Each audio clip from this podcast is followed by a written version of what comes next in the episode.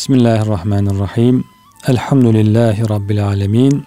Ve salatu ve selamu ala Resulina Muhammedin ve ala alihi ve sahbihi ecmain. Pek muhterem dinleyenler, Kur'an ışığında hayatımız programında muhterem Ömer hocamızla birlikte Mülk suresinin başından başlamıştık. 21. ayetine kadar müzakere etmiştik. Hocamızın bir seyahati sebebiyle inşallah bu hafta e, birlikte müzakeremize devam edeceğiz. 22. ayet-i kerimeden sonra Cenab-ı Hak surenin başından itibaren gerek kendi yüceliğini, azametini, büyüklüğünü, şanını, şerefini anlatıyor.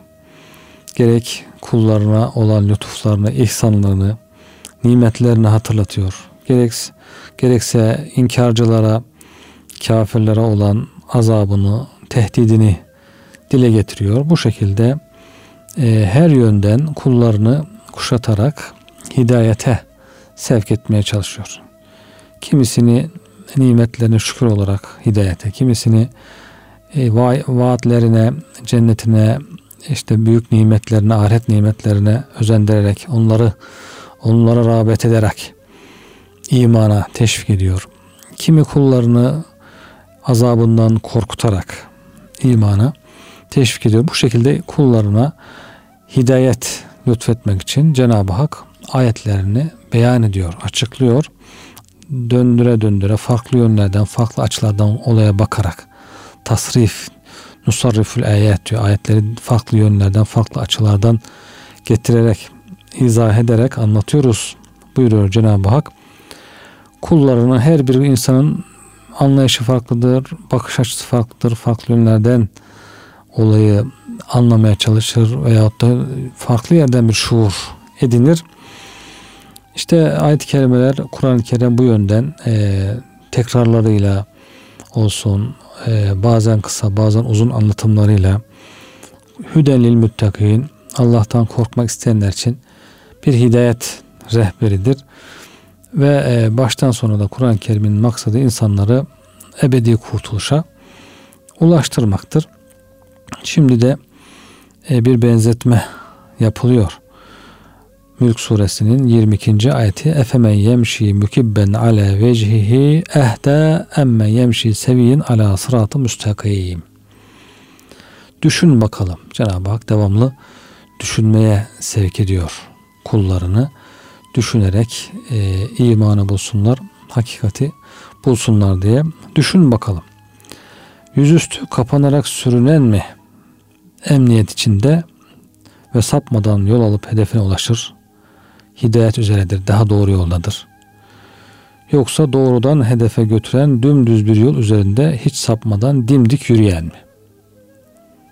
Bir düz yolda ayakta güzelce yürüyen bir insan mı daha doğru yoldadır düşünün. Bir de yanlış yollarda yüzüstü sürünerek gitmeye çalışan bir insan düşünün. Yüzüstü nasıl sürünür insan? Ayakta nasıl yürütüyorsa Cenab-ı Hak yüzüstü de yürütür. Kıyamet günü de inkarcıların, günahkarların yüzüstü olacaklarını bildiren ayet-i kerimeler var. İnsanlar şaşırabilir. İnsan yüzüstü nasıl yürür diye. E, ayakları üzerine yürüten Allah Teala yüzü üzerine de yürütür ama o bir e, insan için alçaklık olur, rezillik olur. İşte gözünün, kulağının, ağzının bulunduğu, aklının bulunduğu e, uzvu, en şerefli uzvu başı, insanın kafası kafa üzerinde de yüzü insanın en şerefli uzvudur, organıdır. E, bunu ayak altına alırsan, yere koyarsan bu onun için bir alçaltma olur insan için. İşte böyle kendini alçaltan, ters yüz olan, yüzü üzerinde sürünmeye çalışan bir insan düşünün. Bir de ayaklar üzerinde normal yürüyen bir insan düşünün. Bunların hangisi daha doğru yoldadır, hangisi daha e, düz yoldadır? Cenab-ı Hak böyle bir tefekküre bizi çağırıyor. Evet şimdi bunu düşünelim. İki insan hayal edelim. Birisi yüzüstü yürümeye çalışıyor. Birisi ayaklarıyla normal düz yolda yürümek istiyor. Hangisi daha kolaydır? Hangisi daha şereflidir? Hangisi daha doğru yoldadır? Hangisi daha kolaylık içerisindedir? Bu tercih bize ait. Bu tercih insanlara ait. İnsan yüzüstü mü sürünmek istiyor, ayaklarıyla mı yürümek istiyor? Onu kendi tercih ediyor ve ona göre yürüyor. Bu ayet-i kerimede iki farklı kişinin durumları aynı türden iki farklı tablo ile tasvir edilmiş. Birinci tablo upuzun, belirsiz, engebeli bir yol. Uzun, belirsiz, engebeli bir yol. Yolun üzerinde de bir insan bulunuyor. Yüzüstü kapanmış, öylece yürümeye çalışıyor. Yüzüyle. Yahut ayağa kalkıyor, yolun düz olmaması, sarp olması, inişli çıkışlı olması ya da kendisine bir takım sıkatlıkların bulunması gibi sebeplerle bir de karanlık var belki. Ayakları kayıyor ve tekrar yüzüstü düşüyor. Bir türlü ayağa kalkamıyor. Oldukça zor şartlar altında ilerlemeye çalışıyor. Ama ne çare ki bu kadarı bile mümkün olmuyor. Olduğu yerde bocalayıp duruyor. Ayrıca o kişinin belli bir hedefi yok. Nereye gittiğini de bilmiyor. Gittiği yol belirsiz. Hedefsiz, e, serseri diyoruz ya nereye gideceği belli değil. Başını almış gidiyor. Böyle bir insan düşünün. Yani perişanlığın, çaresizliğin son haddinde. Böyle bir insan. İkinci tablo burada düz, emniyetli ve güzel bir yol var. Sonunun nereye varacağı belli. Bu yol üzerinde sağlığı, sıhhat yerinde azaları sağlam bir adam yürüyor. Gönlünde taşıdığı yüce bir hedefe doğru yol alıyor. Korkmadan, sıkılmadan, endişe etmeden düzgün adımlarla ilerliyor. Gittiği yol doğru, hedefi belli. Bir de böyle bir insan. Birinci tablo Allah'a inanmayan, onun doğru yolundan sapan, sünnetullah ile çatışan, küfür, cehalet ve sapıklık karanlıkları içinde bocalayıp bir çıkış yolu bulamayan, oldukları yerde sayan, hatta çamura batmış gibi çırpındıkça daha da derinlere düşen inkarcıları tasvir etmektedir. Yani ayet-i kerime surenin başından beri Cenab-ı Hak nimetlerini anlatıyor. Ben yarattım sizi, ben hayat veriyorum. Ben rızık veriyorum. Nefesimizi bile Allah veriyor. Her şeyimiz Allah'ın elinde. Buna rağmen Allah'ı inkar eden, e, hakaret eden insanlar düşünün. Nasıl bir e, ters yüz olmuş, nasıl bir perişanlık içinde, bataklık içerisinde tam burada tarif edildiği gibi böyle bir insan. Yani Allah'ın rızkını yiyor, Allah'ın verdiği nefesi e, teneffüs ediyor. Cenab-ı Hak kalbini çalıştırıyor, ciğerini çalıştırıyor. Hiçbir müdahalesi yok. Her şey Allah'ın elinde. Ama e, onu inkar ediyor. Ona asi oluyor, isyan ediyor. Ne kadar büyük bir zavallılık, e, ahmaklık içerisinde. İkinci tablo ise Allah'a iman etmiş, onun yoluna teslim olmuş. İlahi kanunlara uygun hareket eden, ilim ve irfan ile sırat-ı müstakim üzere durmadan yol alan mesut ve bahtiyar müminleri tasvir ediyor. İkincisi de bu. İman ediyor, itaat ediyor, kabul ediyor. Ya Rabbi diyor, sen bizim sahibimizsin, sen bizim yaratanımızsın. Sen yaratmasaydın biz yoktuk, var olamazdık. Sen bizi var ettin ve varlığımızı devam ettiriyorsun. Yani Cenab-ı Hak devam ettirmese bir an yaşayamaz. Hiçbir varlık ayakta duramaz, hayatta kalamaz. Varlık aleminde duramaz. Hemen ademe mahkum olur, yok olur, yokluk olur.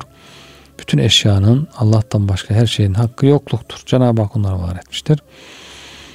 Bunu bilen bir insan Allah'a iman ediyor, kabul ediyor ve itaat ediyor. Onun isteklerini yerine getiriyor.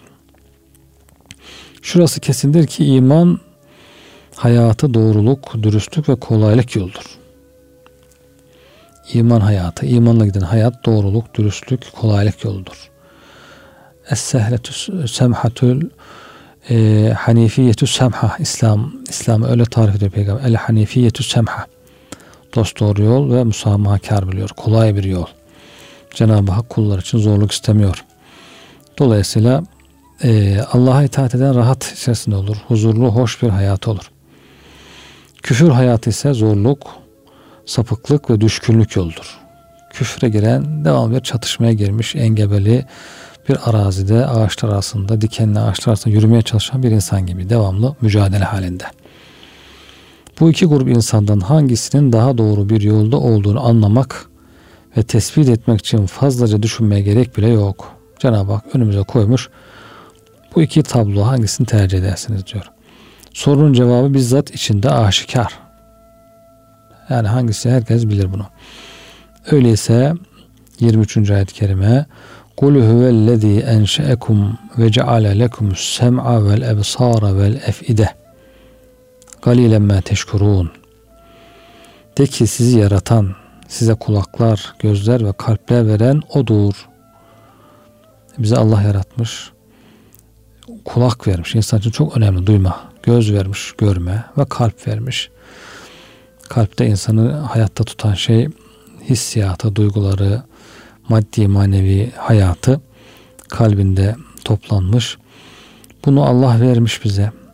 Ne de az şükrediyorsunuz. Cenab-ı Hak hatırlatıyor. Şükredin diyor. Bakın bu uzuvlar hakikaten düşünün çevremizde hayatta böyle uzuvları eksik olanlar, gözünü kaybeden, kulağını kaybeden, kalbinde sıkıntısı olan, maddi manevi, maddi sıkıntı da olabilir. İşte damar tıkanması olabilir, damar genişlemesi olabilir, kalp krizi olabilir. Değişik sıkıntılar olabilir. Manevi sıkıntılar o daha kötü. Kalpte manevi sıkıntılar olanlar, bir türlü doğruyu bulamayanlar, kalbi kaymış olanlar. Cenab-ı Hak böyle bir sıhhat verdiyse, insan aklı, meleke, akli melekler yerinde, duyguları, hissiyat yerinde, maddi sıhhati yerindeyse bunun şükret, neden şükretmez acaba insan? Şükretmek için bir sebebi var mıdır? Her daim şükür halinde olması lazım. Her sabah kalktığında bütün uzuvlar için şükretmesi lazım. Efendimiz buyuruyor ya her sabah kalktığımızda her bir eklemimiz için vücudumuzdaki her bir kemik için eklem için Allah'a bir şükür için sadaka borcumuz vardır. Bu da diyor kolay. Bir Subhanallah dedin, bir sadaka verdin, bir eklemin borcunu ödedin. Bir elhamdülillah, bir Allahu Ekber. Hepsi öder ama diyor insanın kıldığı, sabah kıldığı iki rekat bir işrak namazı bunların hepsini öder buyuruyor. İnsan sabah e, güneşin doğuşundan bir 45 dakika sonra hemen iki rekat bir işrak namazı kılıverirse bu şükrünü eda etmiş olur. Bütün uzuvların şükrünü eda etmiş olur. Cenab-ı Hak da onu sıkıntılardan, hastalıklardan korur. Rahat, huzurlu bir hayat yaşar. Şükrünü eda etmezse bu sefer şükrü eda edilmeyen nimetler alınır. Elden alınır. Şükrederse insan nimete şükür e, nimet artar. Şükretmezse alınır. Bu sefer uğraşır. Sıkıntılarla, yaralarla, berelerle, hastalıklarla uğraşır. Cenab-ı Hak şükre davet ediyor. Kul huvellezî zera'akum fil ardı ve ileyhi tuhşarun. 24. ayet-i kerime. De ki sizi yeryüzünde çoğaltıp yayan da odur. İnsanların çoğalması, çoluğunun çocuğun olması, torunlarının, evlatların olması, akraba, talukat. Bu dünya insanla şendir derler ya bu insanları işte yeryüzüne yayan Allah Teala. Yaratan Allah Teala, yaşatan Allah Teala. Bunu da düşünün. Ama bitmedi. Ee, sonunda diriltilip tekrar Allah'a döndürüleceksiniz. Bunu da unutmayın. Yani dünyaya geldik oh yaşayalım, yiyip iç eğlenelim, hayatımıza bakalım, gençliğin tadını çıkaralım değil. Bir de bunun ahiret tarafı var. Yani bu dünya bitecek. Ahirette insanlar öldükten sonra tekrar dirilip Allah'ın huzurunda toplanacaklar. Cenab-ı Hak bunu hatırlatıyor. Allah Teala Yüce Rabbimiz bize işitme duygusunu doğru yola çağıran kimseleri duyabilmemiz ve doğru yolda yürümeye karar verebilmemiz için lütfetmiştir. Allah size kulak verdi. Peygamberlerimi bir dinleyin. Gönderdiğim kitapları bir kitabı bir dinleyin. Cenab-ı Hak bunun için vermiş. Kulak. Kulağı hayırda kullanmak lazım. Bugün bakıyoruz maalesef herkesin kulağında bir kulaklık takmış artık neler dinliyor, neler izliyor, seyrediyor. İnsanlar da duymuyor rahat rahat. Kulakların için kullanılıyor. Ne kadar hayır için kullanılıyor düşünmek lazım. Bizim bir hocamız var. Yolda, serviste, otobüste devamlı kitaplar dinliyor. Kendi alanıyla ilgili, siyerle ilgili, peygamberimizin hayatıyla ilgili e, kitap dinleyerek geliyor. Yolda diyor boş vakit geçirmek olmaz diyor. Geldiğinde zaten çalışıyor odasında, evinde. E ne güzel bir adet. Bunu kaç kişi yapabiliyor? Kulaklık takanların ne kadarı o kulaklıklardan hayır dinliyor. Çoğu bakıyorsunuz belki günahla meşgul, günah dinliyor. Lüzumsuz şeyler dinliyor. Tabi insanlar duymadığı için de rahat rahat kimse duymuyor diye kendi kulağında onu e, daha rahat işleyebiliyor, dinleyebiliyor. Halbuki kulaklar bize niçin verilmiş? Hayırı dinlemek, peygamberimiz dinlemek, kitapları, ilahi kitapları dinlemek, hayır konuşan İslam alimlerini dinlemek için, e, akraba talukatını dinlemek, ihtiyaç sahiplerini dinlemek için verilmiş. Görme duyusunu niye vermiş Cenab-ı Hak gözü? Kainattaki Allah'ın varlığına ve birliğine işaret eden her türlü delilleri görerek bunların arkasında sonsuz kudret sahibi bir yaratıcının olduğunu anlayalım diye vermiş. Gözlerimiz niçin kullanıyoruz? Nerede kullanıyoruz? Helalde mi kullanıyoruz? Haramda mı kullanıyoruz? Artık cep telefonlarıyla, bilgisayarlarla o kadar yaygınlaştı ki e, günahın ulaşmadığı bir yer yok. Dağın tepesinde, köyün en ücra köşesinde de, şehrin ortasında da aynı günahı çok rahat her insan seyredebiliyor, bakabiliyor. E, çoğu gözde bunun için kullanılıyorsa maalesef o zaman acınacak halimiz var. O zaman hayatta bereket ummamız da çok zor. Allah isyan olan yerde bereket olmaz. Diyoruz ki işte meyveler olmadı, sebzeler olmadı, buğdaylar, ekinler olmadı. Bereketsizlik var, kıtlık var, işte kuraklık var, yağmur yağdı. Yağmur da bu sefer fayda vereceği yerde zarar verdi. Hani bazen yağmur yağar, bereket olur, rahmet olur. Bazen yağmur yağar, azap olur, gazap olur. Yağmurun gazap olması. işte tam böyle meyve, bitkiler olgunlaşırken bu nohutlar, ekinler yağmur yağıyor. Onları tamamen yok ediyor. Tamamen çürütüyor. İşte yağmur bu sefer azap, azaba dönüşüyor, cezaya dönüşüyor. Bereket kalmadı diyoruz. Şikayet ediyoruz. İşte para paramızı şöyle değer kaybetti. Piyasalar şöyle böyle bereket yok. Bereket neden yok? Günahlar arttığı için Cenab-ı Hak bereketi alıyordu. Ondan yok. Biz onu düşünmüyoruz tabii ki. Yok şundan dolayı şöyle oldu. Bundan böyle oldu. Ekonomik sebepler, şunlar bunlar. Tabii ki onlar da var ama onlarla birlikte en başta bunu düşünmemiz lazım. Allah'a itaatimiz yok. İtaat etmediğimiz, isyanımızın çok olduğu yerde bereket nasıl olsun, nasıl hasıl olsun bunu düşünmek gerekiyor.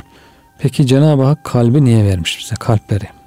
Düşünüp anlama özelliğini niye vermiş? Kalpte düşünme, anlama özelliği var. Kur'an-ı Kerim öyle diyor. Hani biz beynimiz, aklımız düşünür, kalbimiz işte hisseder gibi falan Türkçe'de öyle düşünüyoruz ama Lehum kulubun la yaqilune biha. Onların kalpleri vardır, akletmezler diyor.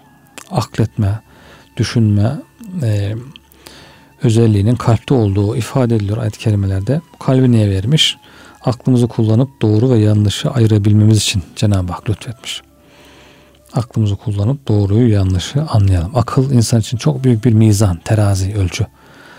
Terazi hakikaten insan hayatında çok önemli bir yeri var. Mevlana Hazretleri çok örnek verir. Ayna ile terazi. Ayna ile terazi diyor insana hatır için hiç yanlış gösterir mi? Yanlış ölçer mi? Neyse onu ölçer. Ayna neyse onu gösterir. Terazi neyse onu ölçer.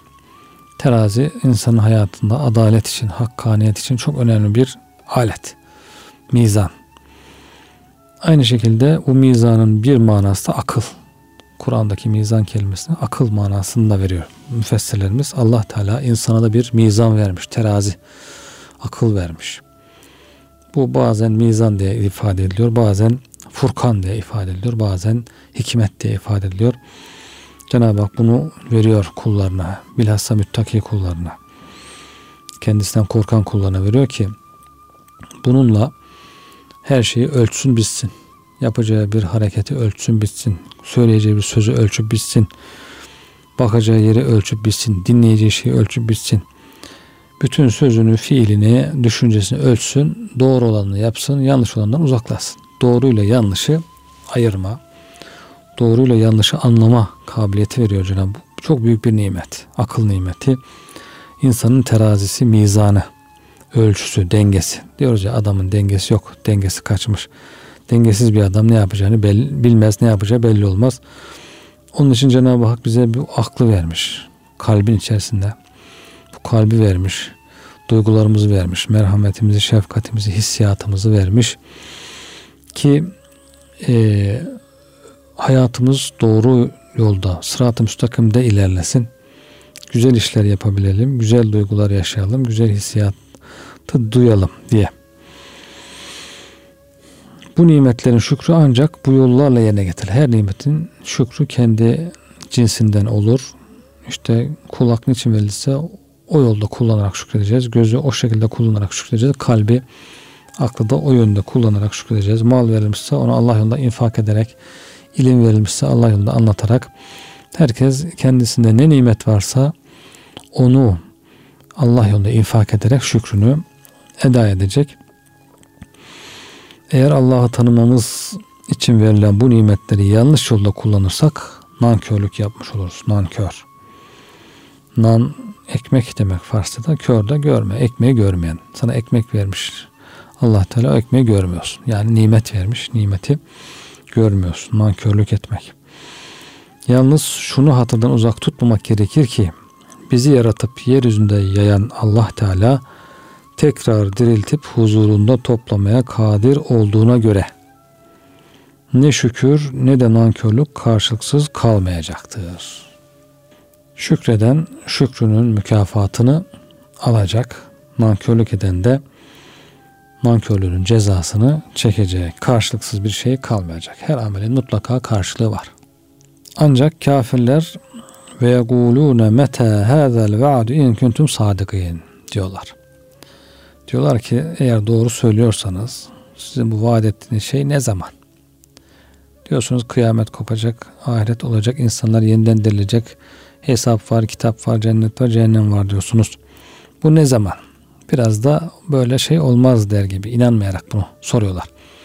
Ne zamanmış bu? Hadi doğruysanız getirin bakalım görelim. Biz gözümüzde görmediğimize inanmayız. Laboratuvarda tecrübe etmediğimize, deney yapmadığımıza inanmayız der gibi o bakış açısına bakıyorlar. Ama bütün alem görülen alemden ibaret değil. Onu herkes biliyor, tecrübe ediyor. Cenab-ı Hak buyuruyor ki kul innemel ilmu indallah. De ki bunun bilgisi Allah'ın katındadır. Cenab-ı Hak kıyametin bilgisini kendisine saklamış. Kimseye vermemiş. Gayb. Kıyametin bilgisini peygamberler bile bilmezdi.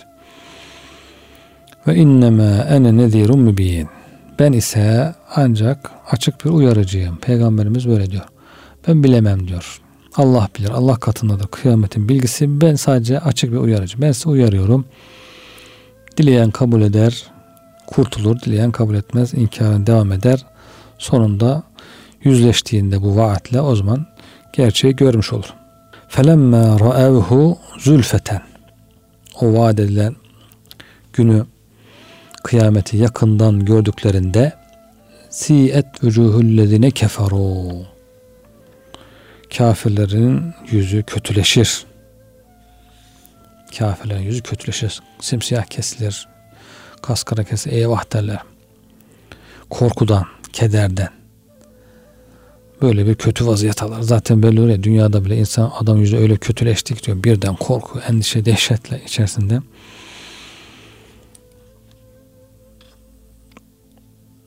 Ve gîle hâzellezî kuntum bihi tedde'ûn. Onlara alay ederek küstahça isteyip durduğunuz şey işte bu denilir. Ya ne zaman hadi gelsin bakalım kıyamet getirin bakalım falan işte kafirler hatta diyor ki eğer doğru söylüyorsan üzerimize taş yağdır gibi böyle insanlar cahilce isteklerde bulunuyorlar. İnsan hayır ile birlikte şerri de ister kendisi cahil olduğu için. Cenab-ı Hak da diyor ki işte diyor çok merak ettiğiniz, isteyip durduğunuz o ne zaman ne zaman deyip durduğunuz kıyamet işte bu. Buyurun. İşte bugün o gündür. İşte inkar ettiğiniz gün bugündür denilir. Dolayısıyla kafirlerin hasretle bekledikleri şekilde Peygamber sallallahu aleyhi ve sellemin vefat etmesi veya müminlerin yok olup gitmesiyle rahatlayacaklarını sanmaları boşunadır. Onlar bekliyor ki işte peygamber ölür giderse rahat ederiz. Bu iddialar sona erer. Müslümanları savaşları yok edersek rahat ederiz. Hem ticaret yollarımız açılır, dünyamız rahatlar. Hem böyle e, değişik inançlarla, fikirlerle, sözlerle rahatsız olmayız. Çünkü huzurları kaçıyor. Doğru hakikati gördükçe huzurları kaçıyor. Nasıl pislik böceği vardır pislik içerisinde huzur içerisinde yaşar. Dışarı çıktığında bir gül kokusunun yanına geldiğinde güzel kokulu bir yere geldiğinde rahatsız olur. Onun için e, hemen geri o pisliğin içine dönmek ister. Lut Aleyhisselam'ın kavmi diyordu ya bu müminler için diyorlar ki bunlar temiz insanlarmış. Bunlar diyor bizim ismimizden çıksınlar. Temiz insanlar bize yaramaz. Temiz insanlar uzak dursun bizden. Bugün de bazı insanların geldiği nokta o ya bu temiz insanlar diyor onlar bize fayda yok onlardan uzak onlar bizden uzak olsun. Bize kirli insan gelsin. Kendisiyle rahat sohbet edebileceğimiz, rahat iş yapabileceğimiz kirli insan gelsin. Kafamıza uygun insan gelsin diye düşünüyorlar. Yine Mevlana Hazretleri örnek verir. Bir adam bayılmış. Getiriyorlar işte gül suyu koklatıyorlar ayılsın diye yüzünü yıkıyorlar falan. Yoldan geçen bir durun diyor. Ben onun derdini biliyorum. Gül bahçesinin yanında bayılmış adam o gül kokusundan. Gidiyor kenardan bir şey alıp gelip burnuna koklatınca adam uyanıyor. Diyorlar ne yaptın sen ne ettin? Ben tanıyorum bu diyor. Bu dericidir diyor. Devamı deri tabaklar. Deri tabaklamak, işlemek işte pis kokular falan onun içerisinde devamlı bu adam. Böyle diyor gül bahçesinin yanından geçerken güzel koku diyor ağır gelmiş bayılmış. Ben onu kenardan bir diyor pis koku buldum. Getirdim koklattım o kendine geldi. Alışkın olduğu şeyi kokladı diye. İşte kötülükler alışanlar, pisliğe alışanlar bu tür devamlı pis ortam istiyorlar. İyi insanlar, temiz insanlarla mücadele ediyorlar. Bunlar gitsin, bunlar olmasın. Hep bizim istediğimiz gibi olsun ortalık diye. Rahat etmek istiyorlar kendilerine göre. Kısa bir süreliğine tabii ki. Onun için müşrikler de bekliyor ki peygamberimiz Müslümanlar yok olsun gitsin de biz rahat edelim diye bekliyorlar. Ancak öyle değil. Kul eraeytum in ehlekeni Allahu ve men ma'iye ev rahimena femen yucirul kafire min azabin elim. De ki peygamberimiz diyecek ki kafirlere Allah beni ve beraberimdeki müminleri helak etse diyelim ki Allah beni ve müminleri helak etti veya bize merhamet etse veya yaşattı. Bu onun bileceği bir iştir iki halde de. Peki söyler misiniz bana ya kafirleri can yakıcı azaptan kim kurtaracak? Biz ölsek de yaşasak da değişen bir şey yok. Kafirler o azaba düşecekler. Peki onları kurtaracak kim? Asıl mesele bu. Bizim ölmemiz veya yaşamamız değil. Asıl mesele bu. Kafirler nasıl kurtulacak? Kurtulabilecekler mi? bizim ölmemizi Allah'ın elinden kurtulabilecekler mi? Biz ölsek de yaşasak da pek bir şey değişmez. Herkes kendisine. Böyle söyle diyor Cenab-ı Hak. Peygamberimiz kafirlere böyle söylüyor. Kul huver rahmanu amennâ bihi ve aleyhi tevekkelnâ. De ki o Rahmandır. O Allah Rahmandır. Ona inandık ve yalnız ona güvenip dayandık. Ona tevekkül ettik. O Allah'tır, Rahmandır. Ondan bakın bu surede hep Rahman sıfat devamlı hatırlatılıyor. Cenab-ı Hak merhametini hatırlatıyor ki kullarım ümitsizliğe, kap, ümitsizliğe kapılmasın, dönsün, gelsin, tevbe etsin, hakikati bulsun diye tekrar hatırlatıyor. O Rahmandır. Yani azabla korkutuyor bir taraftan kim kurtarır diye diyor ki o Rahmandır. Hemen tevbe edin ki onun rahmetine nail olun. O size affetsin. Ee, o hemen affeder. Merhametlidir çünkü. Biz diyor ona iman ettik ve ona dayandık. Müslümanlar biz öyle iman ettik dayandık. Siz de ona iman edin, ona tevekkül edin. فَسَتَعْلَمُونَ مَنْ هُوَ فِي ضَلَالٍ mübin. Bu sebeple kimin apacık bir sapıklık içinde olduğunu yakında siz de öğreneceksiniz. Eğer öyle yapmazsanız, tövbe etmezsiniz, Rahman'a sığınmazsanız yakında bilirsiniz kim sapıktır, kim doğru yoldadır. Dünya hayatı kısa, çabuk biter ve hakikatle insan hemen yüzleşiverir. Ee, ama insan dünya hayatı bitmeyecekmiş gibi aldanıyor. Aldatıcı dünya hayatı. Kul eraeytum in asbaha ma'ukum gavran femen ye'tikum bima'in ma'in. Cenab-ı Hak son olarak bir hatırlatma daha bulunuyor kullarına. De ki söyleyin bana eğer suyunuz yerin dibine çekiliverse Size kaynağından akıp duran yeni ve tatlı bir suyu kim getirebilir? Tatlı su kıtlığı çeken insanlar bu ayet çok iyi anlarlar. İşte tatlı sular çekiliverse dünyanın her tarafı tuzlu su. Suların dünyanın yüzde yetmişten fazlası su. Bu yüzde yetmiş suyun da yüzde doksan yedisi tuzlu su. Yüzde üç tatlı su var. Bu yüzde üç tatlı su çekiliverse dünyanın her tarafı tuzlu su.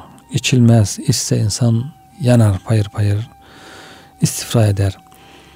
Bunu düşünmek lazım. Bu bizim azıcık olan tatlı suyumuzu Cenab-ı Hak tuzlu suyla karıştırıverse. Denizler bir istila etse ortalığı karıştırır. Bütün kuyular falan hep tuzlansa. Olur mu? Olur. Çok kolay. Zor değil.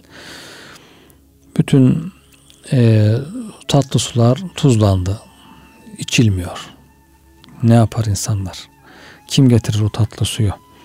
İşte Afrika'da su sıkıntısı çekenler, Asya'da dünyanın değişik yerlerinde su sıkıntısı çekenler veya suyuna kir karışıp da işte tatlı bir suyu olmayan acı su, kirli su içmek, onu arıtarak kullanmak durumunda kalanlar. Değil mi? Su arıtmak için bir sürü masraf edenler.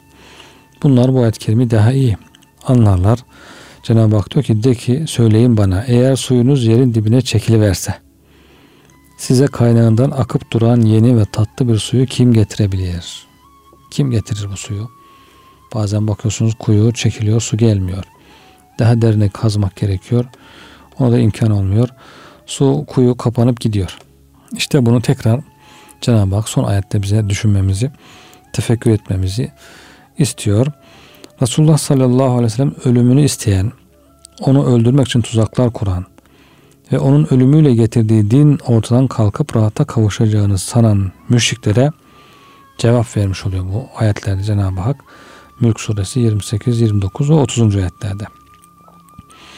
Efendimiz sallallahu aleyhi ve sellem ve beraberindeki Müslümanların ölmeleri veya yaşamaları ayrı bir konu. Cehennemin pek acıklı azabından korunmak ayrı bir konudur. Peygamberimizin Müslümanın ölmesiyle diğer insanlar azaptan kurtulmuş olmaz. Belki çok kısa bir süre dünya rahatını elde etmiş olabilir. Bunları birbirine karıştırmanın bir anlamı yok. Çünkü Peygamber sallallahu aleyhi ve sellem ölmesi veya hayatta kalması müşriklere bu açıdan hiçbir fayda sağlamayacaktır. Esas meseleyi kaçırıyor bu insanlar. Mühim olan kişinin can yakıcı o azaptan kendini kurtarabilmesidir. Bu peygamberin ölümünü ve davasının bitmesini beklemekle değil, ancak onun getirdiği dine inanıp bağlanmakla mümkün olabilir. Kaçış yok. Nefsi yenip, nefsi boyun eğdirip teslim olmak başka da yol yok zaten. O şekilde kurtulabilir. Yoksa e, onlar bekliyorlar. Devamlı bekliyorlar ki peygamberimizin başına, Müslümanların başına bir iş gelsin. Mağlup olsunlar, yok olsunlar diye bekliyorlar. Bunların mağlup olması size bir kar getirmez diyor Cenab-ı Hak. Allah Teala'nın kudretinin sonsuzluğu ve ilminin genişliğine, iyilerle kötülerin durumlarına dair şeylerden Allah'ın dilemesi halinde o kafirleri batıracağı veya üzerlerine taşlar yağdıracağından bahseden Mülk suresini verilen bu bilgilerin Peygamberimiz sallallahu aleyhi ve selleme Allah tarafından vahyedildiğini kafirler vahiy mahsulü bu gerçekleri bazen şiire ve büyüye bazen deliliğe nispet etseler de Resulullah sallallahu aleyhi ve sellem'in bu e, suçlamalardan beri olduğunu ve onların ezalarına sabretmesi karşılığında Allah Teala'nın onun ecrini büyüteceğini bildirerek ve onun ahlakının büyüklüğünü ilan ederek başlayan Kalem suresi bunun peşinden geliyor. Bu o tenasübül eye ve süver diye bir ilim var. Sureler ve ayetler arasındaki münasebet, bağlantı. Hakikaten bu sureler, ayetler birbirlerine tamamlıyor, birbirlerini takip ediyor. Bu surede anlatılan, Mülk suresinde anlatılan konular çok güzel bir üslupla öbür sureye geçiyor. Öbür surede e, farklı boyutlarıyla tamamlanıyor. Birbiriyle bağlantılı olarak birbirinden kopuk olmayarak işleniyor. Orada da yine peygamberimizin e, çok güzel bir ahlak üzere olduğu, en güzel bir ahlak üzere olduğu anlatıyor. Büyük bir nimet olduğu anlatılıyor. Ve farklı konular orada temas ediliyor. Yine hidayet özelliği Kur'an-ı Kerim'in ortaya çıkıyor. İnsanları hidayete davet ediyor. Kıymetli dinleyenler burada Mülk suresini bitirmiş olduk. Niyete ermiş olduk. İnşallah gelecek programlarımızda Kalem suresinden devam ederiz inşallah. Cenab-ı Hak e, ayetlerini, surelerini, kitabını en güzel şekilde okuyup anlamayı, anladığımızda amel etmeyi nasip eylesin. Onunla büyük bir gönül bağı kurmayı, gönlümüzde devamlı taşımayı Kitabullah'a, devamlı onunla beraber beraberlik içerisinde bir hayat yaşamayı nasip etsin cümlemize inşallah. Yeni bir programda görüşmek üzere efendim. Allah'a emanet olunuz.